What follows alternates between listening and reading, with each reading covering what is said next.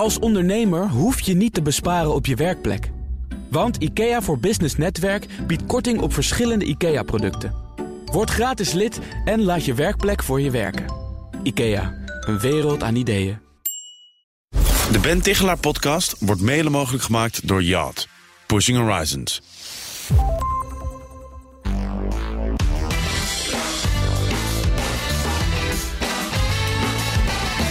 Welkom bij de Ben podcast, de podcast over persoonlijke en professionele ontwikkeling.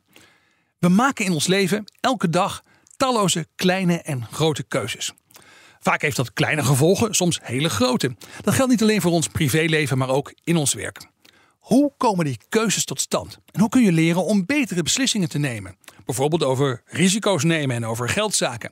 En wat zijn hierin de verschillen tussen mannen en vrouwen? We praten er vandaag over met Martijn van den Assen. Hij is hoogleraar finance aan de Vrije Universiteit in Amsterdam en gespecialiseerd in menselijk keuzegedrag. Martijn, welkom. Fijn dat je er bent. Dank. Zeg, je onderzoekt het keuzegedrag van mensen en je haalt je data onder meer uit tv-spelletjes en sport. Kun je daar kort iets over vertellen? Ja, uh, dat doen wij omdat uh, dat een mogelijkheid biedt om uh, te kijken hoe mensen zich gedragen als er heel veel op het spel staat. we hebben heel veel geleerd binnen de economische wetenschap en ook in de psychologie over menselijk keuzegedrag met experimentjes. Maar ja, er staat heel weinig op het spel. en ja. het zijn vaak studenten. En nu kunnen we zien hoe in de echte wereld mensen voor echte keuzes, hoe ze daar keuzes maken. En dan praat je dus echt over tv-programma's zoals Miljoenenjacht en geloof ik Amerikaanse programma The Price is Right. Kennen we dat nog in Nederland? Ja, dat heette in Nederland Prijzenslag met, met Hans Kazan. Je kent het wel van kom naar beneden en, en sla je slag. Oké, okay, ja, ja, ik zit even te denken. Ja, volgens mij in mijn studententijd heb ik dat vroeger wel eens een keertje gezien. Ja. ja. Um, zeg, hoe ben je er zo bijgekomen om dat te gaan onderzoeken? Waar, waarom boeit jou dit zo dat mensen keuzegedrag dan vooral onder druk in dat soort echte situaties? Uh, nou, eigenlijk een keertje een zondagavond televisie kijken lang geleden. toen zag ik Miljoenenjacht voorbij komen. Uh, en uh, ik wist dat heel veel collega's dus werkten met experimentjes. Uh, hoe mensen met risico omgaan. En daar was altijd de kritiek op van, ja, het gaat eigenlijk nergens om. het zijn de studenten. En ik denk, nou, daar moet je eigenlijk die show voor gebruiken. Dus we zijn dat als een projectje gaan, klein project gaan doen. En ja, dat was meteen een groot succes. Liep eigenlijk uit de hand. En ik zag dat ik dat leuk vond, dat ik daar wat talent voor had. Dus ja, ja zo rol je ergens in. En leidt het ook echt tot andere resultaten? Zie je dus ook andere uitkomsten als je dit soort uh, real-life situaties gaat, gaat analyseren ten opzichte van laboratoriumexperimenten? Nou, eigenlijk het verrassende is nee. uh, okay. Maar dat, dat, is ook een belangrijk inzicht. Uh, kijk, je moet even, als je teruggaat, een stukje in de tijd. In de economie werd heel vaak aangenomen dat mensen als een soort van slimme computer optimale keuzes maken. Ja. Ehm, nou, toen is er invalshoek de, de, de, homo economicus. Exact. Ja, precies. exact. En toen kwam gedragseconomie op en daar was best wat weerstand tegen van mensen die uh, decennia lang uh, vanuit die rationele uh, dat rationele paradigma naar menselijk keuzegedrag gekeken hebben. Die zeiden van ja, hartstikke leuk, psychologie en dat nieuwe hè, gedragseconomie. Maar ja, wat er allemaal aan bewijs is voor de foutjes die mensen maken, dat geloven we eigenlijk niet. Dat als het om echt geld gaat in de echte wereld, uh, dat, dat je dat dan ook ziet. Uh, Oké, dus in de echte wereld zouden mensen dan rationeler, toch weer rationeler zijn? Ja, omdat, er dus, nou ja, omdat het vaak om betere, meer consequenties gaat. Ja. Maar ook omdat uh, ja, dom gedrag uiteindelijk door de markt wel afgestraft zou worden. Je zou je baan verliezen. Ja. Of nou ja, zo, nou, zo zijn er allemaal mechanismen waardoor dat geëlimineerd zou worden. Mensen zouden ook leren. Ja, uh, dus dat is echt in de economische wetenschap echt een tijd lang dus een discussie geweest. En mensen zeiden van wat die Kaderman en zo allemaal hebben onderzocht, nou, dat, dat zal in de echte wereld wel tegenvallen of meevallen. Ja, exact. Ja, en, en wat kwam eruit? Nou ja, wat we dus vonden is dat hij juist precies hetzelfde zag. Dus een van de bevindingen van inderdaad Daniel Kahneman met Emil Staversky... Uh, dat is dat mensen meer risico nemen naar verliezen. Ja. Uh, en dat is nou precies wat wij zien in miljoenenjachten ook. Oké, okay, ja. heel interessant. Mensen willen dus vooral verlies voorkomen als het even kan. Ja, ja, ja, we hebben een bloedhekel aan verlies accepteren. Dus als wij door een risicootje te nemen aan dat verlies kunnen ontsnappen... dan, uh, dan zijn we geneigd dat te doen. Niet iedereen, maar uh, grosso modo is men geneigd dat te doen. Heel interessant. Zeg, waarom is het belangrijk om in jouw vakgebied finance om dit soort dingen te onderzoeken? Uh, nou ja, finance is natuurlijk een wereld waarin je constant uh, in een situatie van onzekerheid, van risico, uh, keuzes moet maken. Denk aan de beurs, beleggen. maar denk ook aan de financiële manager die keuzes moet maken over ja. waar die in investeert of hoe die zich hoe die gaat financieren. Uh, dus, dus daar speelt hoe mensen omgaan met onzekerheid, hoe ze inschattingen maken, wat hun risicopreferenties zijn. Dat is, dat is ja, essentieel. Ja, ja, precies. Nou heb ik uh, recent zag ik een artikel voorbij komen van uh, jou en collega's. Het ging over gender and willingness to compete for high stakes. Uh, kun je vertellen wat je daar precies hebt onderzocht? Dat ging dus over dat programma Miljoenenjacht, ging dat? Ja, dat klopt. Dus we hebben Miljoenenjacht in de eerste plaats gebruikt om te kijken hoe mensen risico nemen. Uh, maar beseft ons dat er ook een andere leuke uh, kant aan zit. En dat is dat uh, ja, die finalist, misschien weet je het, maar die kan een half miljoen gemiddeld verdienen. Maar om tot die finalist te komen, beginnen ze met 500 mensen in het publiek. Ja. en dan moet er uiteindelijk eentje overblijven. En daar worden spelletjes voor gespeeld. En nou is het mooie dat tijdens die spelletjes mensen het aanbod krijgen om uit te stappen. Om tegen een relatief kleine prijs te zeggen: ik stop. En dan gaat iemand anders verder in de competitie. Ja, en dan mag je houden wat je hebt. Uh, ja, dan krijg je bijvoorbeeld uh, de kans op een, een, een of andere reischeck ter waarde van weet ik 10.000 euro. Of, of je kan voor enkele tienduizenden euro's uitstappen. Er zijn een aantal verschillende spellen waarbij dat uh, gebeurt of gebeurde. Okay. Um, en dat lijkt heel erg op experimenten die gedaan zijn naar verschillen tussen mannen en vrouwen in de neiging om competitie aan te gaan. Oké. Okay. Uh, dus dat is, dat is een heel belangrijk onderwerp. Hè. We kennen allemaal wel het probleem dat in uh, de arbeidsmarkt. Uh, dat vrouwen uh, minder op leidinggevende posities zitten, minder op de goed betaalde posities, minder verdienen. Ja, nou ja, het lijkt er zelfs wel heel erg op. Hè? Ik, bedoel, ik kan me voorstellen dat er bij een groot bedrijf dat er wat mensen binnenkomen. nou, ik zal misschien zeggen niet 500, maar je kijkt dus om je heen en denk je, ja, wie, wie van die mensen gaat later een half miljoen verdienen? Ja. En dan hoop je dat jij het bent natuurlijk. En die anderen niet. Want het is wel een competitie vaak in veel bedrijven met een, met een piramidale structuur. Ja. ja je kan het zien in, in de promotiekeuzes. Ga ik op voor promotie of niet? Maar überhaupt hè, in bepaalde branches eh, die zijn gewoon competitief van zichzelf. Je moet gewoon presteren, je wordt gemonitord. Ja. En de een die heeft daar meer zin in dan de ander. En wat dan in experimenten wordt gevonden, is dat mannen veel meer geneigd zijn om voor een, eh, een situatie te gaan waar hun uh, uitkomsten uh, op basis van de concurrentie ook worden bepaald, in plaats van puur wat ze zelf doen. Ja, ja, precies. Dus mannen vinden het uh, beter of kunnen, kunnen, kunnen vinden het leuker misschien wel om die wedstrijdjes te spelen. Ja, en dat kan weer om een aantal redenen zijn. Dat kan zijn dat ze gewoon uh, risicotoleranter zijn. Dat is een belangrijk verschil tussen man en vrouw, wat ook elders is gevonden. Ja. Kan ook zijn omdat maar man... risicotolerantie kan dat ook gewoon betekenen dat je gewoon weinig zicht hebt op de echte risico's. Uh, ja, dat kan. Uh, ja. Dat, dat zou kunnen. Want risicotolerant klinkt heel positief. Maar je kunt ook zeggen, ja, er zijn gewoon. Ik, ik zie wel eens heel veel jonge mannen in het verkeer. Die zijn ook risicotolerant. Ja. Maar dat noemen we dan in het verkeer noemen we dat roekeloos. ja, ja, dat zo kun je het noemen. Op een gegeven moment dan natuurlijk onverantwoord. Um, dat klopt. En mannen hebben ook meer uh, vertrouwen in hun uh, capaciteiten. Dus die overschatten zichzelf meer dan vrouwen. Mensen zijn ja. überhaupt geneigd zichzelf te overschatten. Maar mannen extra. Mannen extra, dat klopt. Um, en uh, daarnaast kan er ook een soort puur verschil zijn. Dat, dat mannen gewoon liever minder avers zijn tegen competitie dan vrouwen. Dat is even los ja. van die andere twee dingen. Maar grappig, dus dat is te, te zien. Dus ook in, die, uh, in zo'n spelshow zie je dat dus terugkomen. Ja, en heel ja. duidelijk. Uh, de, de, de, kans dat een uh, vrouw uitstapt is ongeveer twee keer zo groot. als de kans dat een man uitstapt. Dus dat is echt substantieel. Ja, ja. nou heb je dus op allerlei manieren gekeken. Of ja, dat noemde je net. Of dat soort spelshows, analyse die je daarvan maakt. Of dat ook een beetje gegeneraliseerd kan worden. Of dat dan ook een soort, soort ja, testjes voor echt gedrag zou je kunnen zeggen. Of dat je daar regels uit kunt halen. Um, ja, geldt dat dan ook in bedrijven? Geldt dat dan ook zeg maar als het gaat om de competitie op de arbeidsmarkt? Dat vrouwen twee keer zo sterk misschien geneigd zijn om bij competitie uit te stappen? Ja, nou die, die, die, die, dat, dat precieze percentage hangt heel erg af van het verschil in de aantrekkelijkheid van de twee alternatieven. Dus nou ben ik echt een wetenschapper, ik weet het. Maar je, je kan dat niet heel algemeen zeggen. Als, als, als, als de opbrengst van, van geen risico nemen veel lager is ja. dan de opbrengst van, van wel voor die competitie gaan, ja, dat, dan trekt dat mensen, ook vrouwen natuurlijk, iedereen naar meer competitie. Dus het ligt een beetje aan de situatie. Ja, maar wat, wat bepaalt dan die situatie? Wat zijn dan elementen waar je naar moet kijken om die situatie met elkaar bijvoorbeeld te kunnen vergelijken? Uh, nou ja, je zou dat als een soort econoom moeten modelleren. Dus, dus wat, zijn, wat, zijn de, wat zijn de mogelijke keuzes precies? Wat zijn de mogelijke uitkomsten? En wat zijn de kansen? Wie is je concurrentie? Uh, overigens dat laatste, uh, dat laten wij zien, dat is heel belangrijk. Want wat we zien is dat het verschil tussen mannen en vrouwen om competitie aan te gaan verdwijnt. Um, als vrouwen tegen vrouwen moeten spelen. Okay. Of mannen ten opzichte van mannen tegen mannen zie je hetzelfde. Uh, maar een man tegen een vrouw of een vrouw tegen een man, dan zien we de vrouwen juist, juist dan, of eigenlijk alleen dan, zien we ze uh, een stap terug doen. Oké, okay, dus dat is interessant. Dus als een, moet je me nog even uitleggen. Als een vrouw zeg maar tegen een vrouw moet uh, strijden, dan uh, zijn ze net zo risicoavers als mannen. Klopt. Ja, oké. Okay, maar als een vrouw tegen een man moet strijden bij zo'n spelshow, maar misschien dus ook wel in het echte leven, dan stappen vrouwen ja. liever eerder uit. Ja.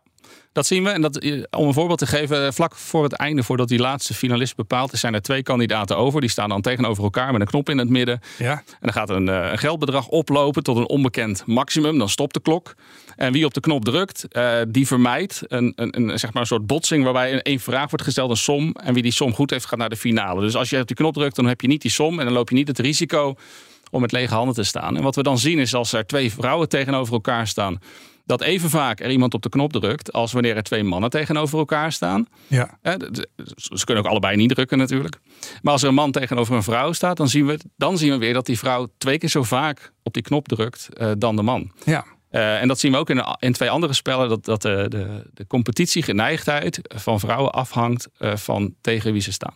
Dus even weer vertaald naar een bedrijfsomgeving. Als jij op een gegeven moment weet, er zijn verschillende kandidaten voor een job. En er, zijn, eh, er is een aantal mannen bij en ik ben zelf vrouw. Dan heb je misschien de neiging om toch eerder uit te stappen. Dat is een soort onbewuste neiging. Ja, het is ook denk ik de situatie waar je in uitkomt. Eh, uiteindelijk, eh, het gaat om de, de baan waar je er naartoe gaat. Als dat een baan is waarbij je vervolgens gaat concurreren, wedijveren. Je bent collega's, maar je hebt Ja. ook, het zijn ook de mensen waar je mee gaat vergelijken of vergeleken wordt. Als dat veel mannen zijn, zal het voor een vrouw minder geneigd. Die zal minder geneigd zijn om daarvoor te gaan dan een man. En ja, dat pleit dan eigenlijk ook een beetje voor inderdaad wat je ziet de laatste tijd, dat de quota worden gebruikt. Dat we Ja. zeggen, ja, we moeten gewoon een bepaald percentage vrouwen hebben. En daarmee verbreek je eigenlijk eh, het probleem. Ja, want als ze bij miljoenenjacht zouden zeggen... we willen even vaak een vrouwelijke winnaar als een mannelijke winnaar... dan moet je de regels van het spel zo aanpassen... dat dit soort dingen dus niet meer gebeuren. Ja, ja, ja, ja, ja, ja, lastig natuurlijk, maar inderdaad. Ja, Ja. heel interessant. Zometeen gaan we het er verder over hebben. Over hoe we beslissingen nemen. Maar ook misschien hoe je met dit soort onbewuste neigingen kunt omgaan. Maar eerst een boodschap van onze sponsor. Voor we verder gaan nog even dit. Bij Yacht weten we dat je carrière maakt door te breken met conventies. De snelste ontwikkeling gebeurt namelijk buiten je comfortzone. Daarom zijn wij de partner van de Ben Tichelaar podcast. Mannen en vrouwen maken in dezelfde situaties vaak andere keuzes. Hoe dat komt en wat we daarvan kunnen leren, dat bespreek ik met Martijn van den Assem. Hij is hoogleraar Finance aan de Vrije Universiteit in Amsterdam en gespecialiseerd in menselijk keuzegedrag. Ehm, we waren net bezig om te vertalen naar het bedrijfsleven of de bedrijfsomgeving. eh, ja, wat je kunt leren van spelshows, zoals bijvoorbeeld Miljoenenjacht, waarbij we dus hebben gezien dat vrouwen misschien eerder geneigd zijn om uit te stappen als er geconcurreerd moet worden. Zeker als ze moeten concurreren tegen mannen. En je zei net al eventjes dat pleit misschien wel voor quota. Eh, nou ben ik HR-manager bij zo'n bedrijf, of gewoon eh, misschien wel eigenaar of eh, aandeelhouder. En ik denk, ja, ik wil gewoon meer vrouwen, ook in leidinggevende posities. Wat moet ik doen? Nou ja, dan moet je dus de omgeving dusdanig maken dat daar, dat daar meer vrouwen zijn. Wat je ziet is, als je dus het, vrij zou laten eh, wie er binnenkomen, dat, dat, je, dat je waarschijnlijk dan wat meer te maken krijgt met mannen die op die bepaalde eh, baan gaan eh, solliciteren. Dus zul je selectiever moeten zijn in je aannamebeleid en daarmee een omgeving creëren die het voor vrouwen, andere vrouwen ook weer aantrekkelijker maakt om voor die positie te gaan. Dus eigenlijk moet je ja, doorbreken door selectief te zijn. Ja, Dat is wat ja. we natuurlijk nu ook wel veel zien. Doorbreken door selectief te zijn, inderdaad. Ja. Ja. En hoe doe je dat? Ja, je ziet het bijvoorbeeld bij, eh, bij, bij de wetenschap op het moment. Eh, er wordt heel actief eh, met, eh, met, met, met, met fondsen eh, worden er meer vrouwelijke hoogleraren aangesteld. Ja. Ja, dus, eh, dus eigenlijk het helpen. Ja. Ja. Hoe kijk je daarnaar? Want ik bedoel, jij zit een beetje in die gedragseconomie. Dus je kijkt dus inderdaad met, eh, laten we zeggen, met enige sceptisch naar zogenaamde rationele besluiten van mensen. Maar ik hoor ook wel mensen die eh, in het universitaire wereldje rondlopen. Die dat maar een beetje raar vinden dat eh, vrouwelijke mensen zo, bevoor, vrouwelijke wetenschapsmensen zo, zo bevoordeeld worden. Ja, nee, ja goed. dat is natuurlijk een sensitief onderwerp waar je hierover begint. Ja. Ja. het is natuurlijk eigenlijk ook raar als jij nu een man bent, dat je wordt benadeeld. Want dat is de andere kant van de medaille. Ja. dus het aantal eh, mogelijkheden om hoogleraar te worden is natuurlijk beperkt. En, eh, je wilt eigenlijk gewoon dat de beste persoon eh, op de plekken komt. Ja. Ja, dat klinkt altijd heel mooi. Maar we weten dus inmiddels wel dat ook bij miljoenenjacht wint dus niet de beste. Maar heeft het dus wel echt met gender ook te maken. ja, want ja, die gaan, vrouwen gaan eerder het risico en de competitie uit de weg. Ja. Ja, dus als je dat op een gegeven moment ook weet, ook in de wetenschap, waarbij ook er inderdaad uiteindelijk maar vaak één of een paar plekken zijn voor, nou ja, noem het maar een paar winnaars, dan moet je dus inderdaad maatregelen nemen. Ja, heel Maar interessant. ja. Je kan je wel afvragen of je per se eh, iets wil corrigeren wat er, eh, wat er van nature bij mensen in zit. Hè. Als, als, als, als een man het leuker vindt om een spelletje te spelen, laat je die man een spelletje spelen. Ja. En accepteer gewoon dat, eh, dat bepaalde mensen bepaalde situaties uit de weg gaan. Misschien is dat ook niet erg. Eh, Ja, nou, maar goed, misschien even een andere actuele situatie. Ik hoorde laatst iemand, dat was een collega van jou, van de Vrije Universiteit ook, eh, die eh, hoogleraar geneeskunde is daar. En die zei van ja, we vinden op dit moment dat er in de collegezalen vooral eh, jonge vrouwen zitten. En hij had het dan over vrouwen met paardenstaarten en, en waterflesjes. Oké. En eh, ik vond eerlijk gezegd, want ik heb zelf vier dochters die allemaal een paardenstaart hebben en allemaal waterflesjes met zich meedraaien. Dus ik was alert hè, toen het daarover ging. En ehm, die komen dus blijkbaar zijn dat, eh, ja, die zijn conscientieus. eh, die doen het hartstikke goed in zo'n geneeskundeopleiding. En hij, hij zei eigenlijk van nou, en toch zie je dan dat jongens die soms een beetje later op gang komen, zoals ik zelf zei, die, ja, die kunnen uiteindelijk toch nog best tot hoogleraar schoppen. en toen dacht ik, ja, dat zeg je nou wel, maar komt dat niet omdat gewoon mannen in dat systeem waarin jij hoogleraar bent geworden, uiteindelijk toch weer bevoordeeld worden, terwijl vrouwen uiteindelijk, dat blijkt dan in ieder geval als je kijkt naar de, de eerste jaarlagen, misschien wel, wel veel beter geschikt zijn voor die opleiding. Ja, ja, d- je maakt natuurlijk op een gegeven moment een keuze na je opleiding eh, wat je gaat doen. En de eerste stap als jij eh ambieert om hoog in de wetenschap uit te komen, dat is dat je een PhD gaat doen. Ja. Nou, dat is eh, niet makkelijk. Dat is, dat is een heel zwaar traject. Dus Ja, maar dat begint ook al met competitie. Ja, het begint met, eh, ook met eh, ontzettend veel eh, uren maken. Hè. Wat je ook ziet is dat ehm, vrouwen vaak de keuze maken om voor een baan te gaan die je ook parttime kan doen en Ja. flexibel is. En nou is een PhD doen redelijk flexibel, maar ja, dat is echt wel vier, vijf jaar wel killing. Dus ik snap dat als er een competitieverschil zou zijn, dat je dat daarin ook terugziet. Ja, ja, dus dan toch geldt dat misschien dan vlak na zo'n opleiding er alweer allerlei dingen zijn ingeregeld in die omgeving, waardoor uiteindelijk mannen worden geselecteerd voor dan die nou ja, hoogleraarposities Ja. uiteindelijk. Na, na een PhD dan is het ook weer een baan zoeken. Hè. Dan hebben we het tenure track systeem, ontzettend competitief. Eh, Je wordt aangenomen eh, en het idee is dat je een x aantal publicaties gaat, eh, gaat halen binnen vijf, zes jaar. eh, en een hoop onderwijs gaat geven. Eh, en alleen degenen die het best presteren, die kunnen uiteindelijk een vaste aanstelling krijgen. Dus ja, zo zitten er een aantal momenten van eh, ga ik ervoor, voor die concurrentie, voor die Ja. competitie. Of zeg ik nou... Of druk ik op de knop. of druk ik op de knop. Of druk ik op de knop, ja precies. Nou gaan we eventjes even terug van de weg van de wetenschap. Want ik wil je niet heel flauwe vragen alleen maar over je collega's stellen aan de Vrije Universiteit of andere plekken. Maar ehm, is, is het goed dat er zoveel competentie, eh, sorry, competitie zit in die bedrijfsomgeving, ook in veel organisaties? Dat, het toch, dat mensen als het ware tegen elkaar moeten concurreren. Ik geef een voorbeeld uit mijn eigen ervaring. Ik heb bij een grote bank een tijdje gewerkt. Dat was een manager, daar sprak ik op een gegeven moment mee. Nou, dat heet dan geloof ik eh, een directeur-generaal heette dat dan zeg maar in die tijd binnen een bank.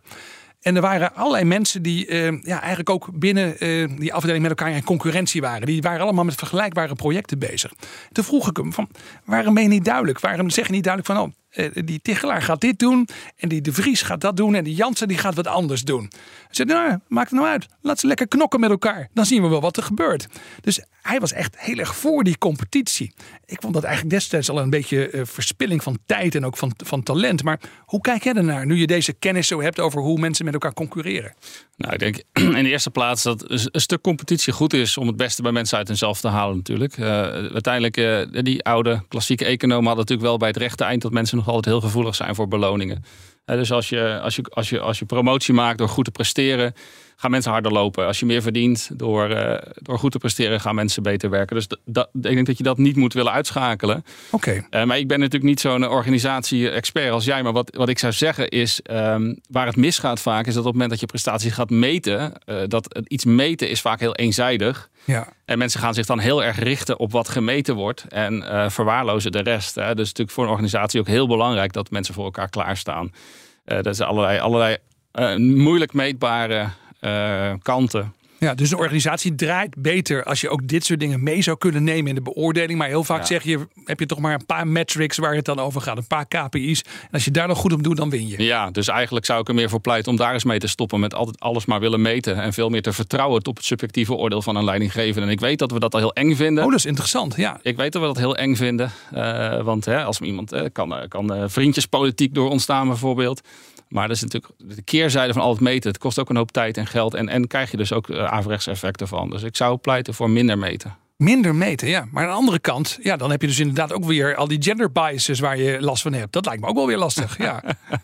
Uh, in het evalueren weet ik niet of het daar zo snel in zou zitten hoor. Uh, Oké. ja. Oké, zeg. En um, nog eventjes terug zeg maar, naar die competitie tussen mannen en vrouwen. Het verschil in competitiedrang tussen mannen en vrouwen. Is er iets te zeggen over waar dat vandaan komt? Waarom, waarom, waarom is dat er? Wat zeggen, daar, wat zeggen gedragseconomen daarover bijvoorbeeld? Ehm, nou, als je de, de, oorzaken daarvan, uh, dat is waar we het net al even over hadden, die zitten in uh, risicoaversie. Want vaak concurreren betekent risico lopen.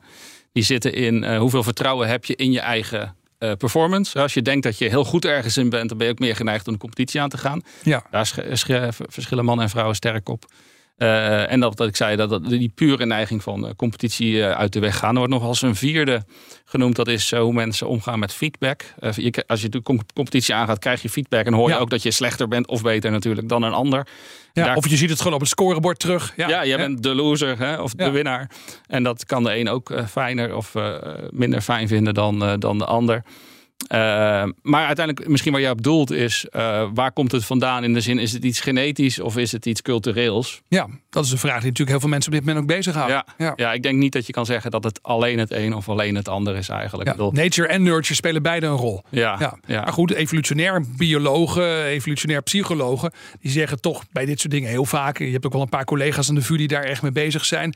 En die zeggen ja, dat heeft allemaal te maken met overlevingsvoordelen ja. van, van nou ja, honderdduizenden jaren geleden. Ja, je komt nu een beetje buiten mijn expertise, maar ik geloof zeker dat dat een heel belangrijke rol speelt. Aan de andere kant kunnen we ook niet ontkennen dat er eh, cultureel gezien, sociaal gezien bepaalde eh, rolmodellen eh, zijn. Ja. En en ik denk dat dat ook zeker zijn invloed heeft. Ja.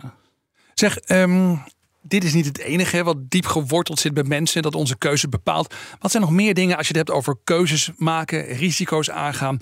eh, en je hebt bijvoorbeeld een financiële functie of je moet financiële beslissingen nemen. Misschien ook wel gewoon als professional of als privépersoon. Wat zijn nog meer dingen waarvan je zegt, nou let daarop. Dat zijn dingen die in ons onderzoek heel vaak naar boven komen, maar dat weten mensen niet. Eh, nou ja, kijk, dan kom je op het punt van het, eh, het, het systeem 1, systeem 2 denken, waar jij volgens mij ook wel eens naar hebt gekeken. Ja. Daniel Kahneman. Juist, Ja. ja. Nee, heel veel inschattingen die we maken, die eh, denken we dat we die heel slim maken. Hè? Dat onze, onze overtuigingen, dat die uit eh, ja, heel veel verstandig nadenken voortkomen. Ja. Maar wat we eigenlijk heel veel doen eh, bij onze keuzes is alles versimpelen. Alles tot eenvoud terugbrengen, zodat we snel, makkelijk, met, zonder al te veel tijd, eenvoudige inschattingen kunnen maken. Of Ja, dat, is dat systeem 1 waar Kahneman het dan over heeft. Ja, ja, ja, nou ja, wat je ziet. Kijk, laten we een voorbeeld nemen. beleggen. Wanneer gaan mensen beleggen? Dus als de beurs het goed gedaan heeft. Ja, dan denken mensen, moet ik ook bij zijn. Ja. Ja, want dan, denken ze dus dat je op basis van recent eh, rendementen, dat dat iets zegt ook over de toekomst. Eh, maar het is ontzettend lastig, eigenlijk onmogelijk om verwachte rendementen in te schatten. En eh, dat verleden geeft dan eigenlijk een vertekend beeld van wat je in de toekomst mag verwachten. Maar mensen hebben gewoon het heuristiekje, de, regel van, nou ja, ik zie het afgelopen jaar dat aandelen eh 20% per jaar opgeleverd hebben. Nou, dat is heel mooi. Hè? Op mijn spaargeld krijg ik niks. Dus ik ga beleggen. En die beginnen dan te beleggen. Ja, en dan vaak op het moment dat het net zeg maar op een soort hoogtepunt zit in de markt. Ja, nou ja, dat... dat, dat maar goed, dat ja. weet je dus niet. Nee, precies. Nee, ja. precies, ja. exact. Ja, ja. En natuurlijk geheugen. Hè. Dus wat recent is, dat onthouden we. Dus, dus ja, dat, dat- dat staat ons dan meer bij. Dus dan zie je dus dat, dat er een soort eh, ja, herding ontstaat, extrapoleren. En eh, dat is, die, die neiging hebben mensen ook die in vastgoed investeren bijvoorbeeld. Ja. Als de prijzen van, van, van vastgoed stijgen, gaan mensen meer ontwikkelen. En zo zie je dat er dan te veel wordt ontwikkeld, waardoor uiteindelijk er een overcapaciteit is ontstaan. Ja, en het grappige is, dit weten we eigenlijk al heel erg lang. Want ik leerde zeg maar op de basisschool, eh, nee niet de basisschool, op de middelbare school al over de, de varkenscyclus en allemaal dat soort dingen. En dat is onuitgroeibaar dus eigenlijk. Ja, this time it's different. mensen denken al gauw dat, eh, ja, dat het iedere keer weer anders is. En gaan daar onterecht En nu, en nu zijn we ook wijzer, hè? want die domme mensen uit de jaren 80 van de vorige eeuw, die snapten dat natuurlijk allemaal niet goed. Maar wij, wij, wij 21ste eeuwers, wij begrijpen het wel. Precies, ja. ja. Niet dus. Nee. Nee, precies. Zeg, heel erg leuk om met elkaar eens eh, dit soort dingen te bespreken. Ehm, is er nog iets, ben ik heel benieuwd naar, eh, even, even als laatste vraag hoor, maar heel kort. Maar eh, wat is nou iets, als je zelf financiële beslissingen neemt, eh, Martijn, wat zijn er dingen waarvan je zegt, nou dat doe, dat doe ik dus altijd of let ik altijd heel goed op? Ehm, nou, als het om beleggen gaat, ik, het is bijna niet te doen. De markt verslaan, maar probeer altijd te bedenken wat iemand anders later zou willen kopen. Dus probeer een stapje voor te zijn. Eh, Dus wat zou iemand anders later willen kopen? Ja, probeer de hype Ja. van morgen te voorspellen. En niet te kijken wat de hype van vandaag is. Ik wil niet zeggen dat je daar wat aan hebt, want het is heel moeilijk om de hype van morgen te voorspellen. Anders heeft iedereen het al gedaan. Ja. Ehm, dus daar let ik op. Ehm, ja, wees je bewust van eh, wat verliezen met je doen. Ja. Dus eh, vraag je even af van dat ik nu wil beleggen, is dat omdat ik al heel veel winst heb en me daar comfortabel bij voel. En heb ik daarom de neiging om maar veel risico aan te gaan. Want als ik verlies, dan verlies ik toch maar winst. Ja. Uh, laat ik me leiden door verliezen. Uh, ja, ben ik bang om te verliezen, maak ik daarom allerlei keuzes. Oké. ja. Dus ook dat kritisch beoordelen van je eigen keuzes op dit soort onbewuste denkpatronen. Daar een beetje van weten is dus toch wel nuttig eigenlijk. Ja, ik wil je hartelijk danken, Martijn van den Assem. Dit was de Ben Tichelaar podcast voor deze week. Maar Martijn en ik praten nog even door, omdat hij ook nog een werktip en een mediatip voor ons heeft. Beide vind je in onze podcastfeed op bnr.nl slash Tichelaar en in je favoriete podcast app. Voor nu, dank voor het luisteren. De Ben Tichelaar podcast wordt mede mogelijk gemaakt door Yacht. Pushing Horizons. Het inrichten van je eigen zaak is best wel wat werk. Daarom biedt IKEA voor Business Netwerk 50% korting op interieuradvies. Word gratis lid en laat je werkplek voor je werken. IKEA, een wereld aan ideeën.